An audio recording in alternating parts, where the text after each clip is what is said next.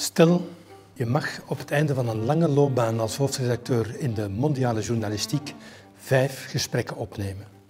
Waarover zou je dan willen praten?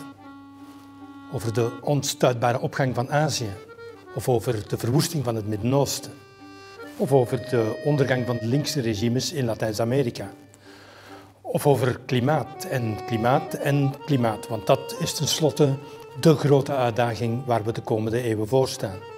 We kozen voor vijf thema's die fundamenteel zijn voor het soort mondiale journalistiek die we bij Mo bedrijven.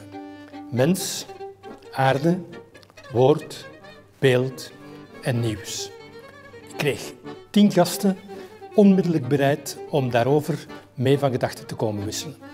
Warda El Kadouri, Brigitte Hermans, Rudy Franks, Machid Mohajirin, Masht Khalife, Jago Kozolowski, Piet Pirijns, Lisette Manessa, Leo van Broek en Alma de Walse. Tien gasten en één voormalig hoofdredacteur die niet kan ophouden te glunderen bij zoveel prachtige mensen, goede inzichten en heerlijke gesprekken.